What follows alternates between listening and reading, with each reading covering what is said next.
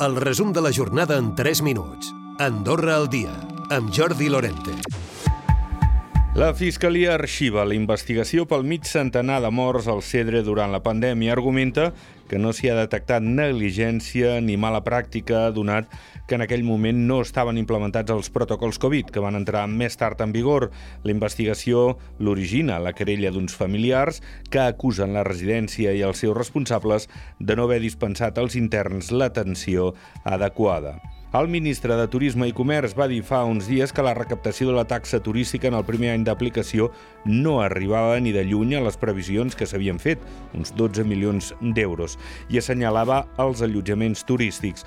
Aquests no troben una explicació a les disfuncions, però constaten que les liquidacions trimestrals de tributs no coincideixen a la baixa amb les seves recaptacions.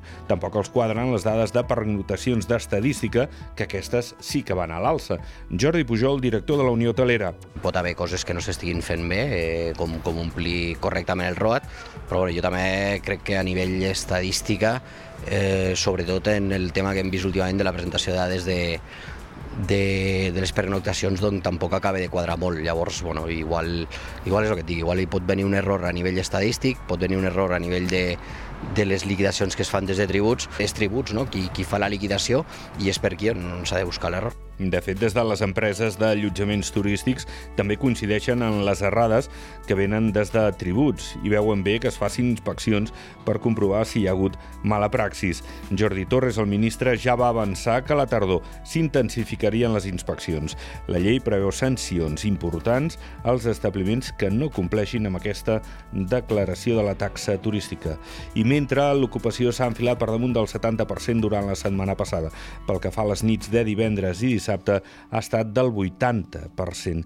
I la llei d'economia circular, que va entrar en vigor l'any passat, obliga bars i restaurants a servir aigua de l'aixeta de franc si el client la demana. És una acció que no tots els establiments segueixen, tot i aquesta possibilitat molts clients continuen preferint l'aigua en ampolla o també filtrada. La pediré de agua de grifo yo. A mí me gusta el agua de grifo. No, no, en botella. En general agua de grifo. Entiendo que es lo mismo. Yo normalmente demano de la agua embotellada. L'arranjament del riu de Xirivall serà la primera actuació a la parròquia lauradiana per evitar desbordaments com els que es van viure al juny.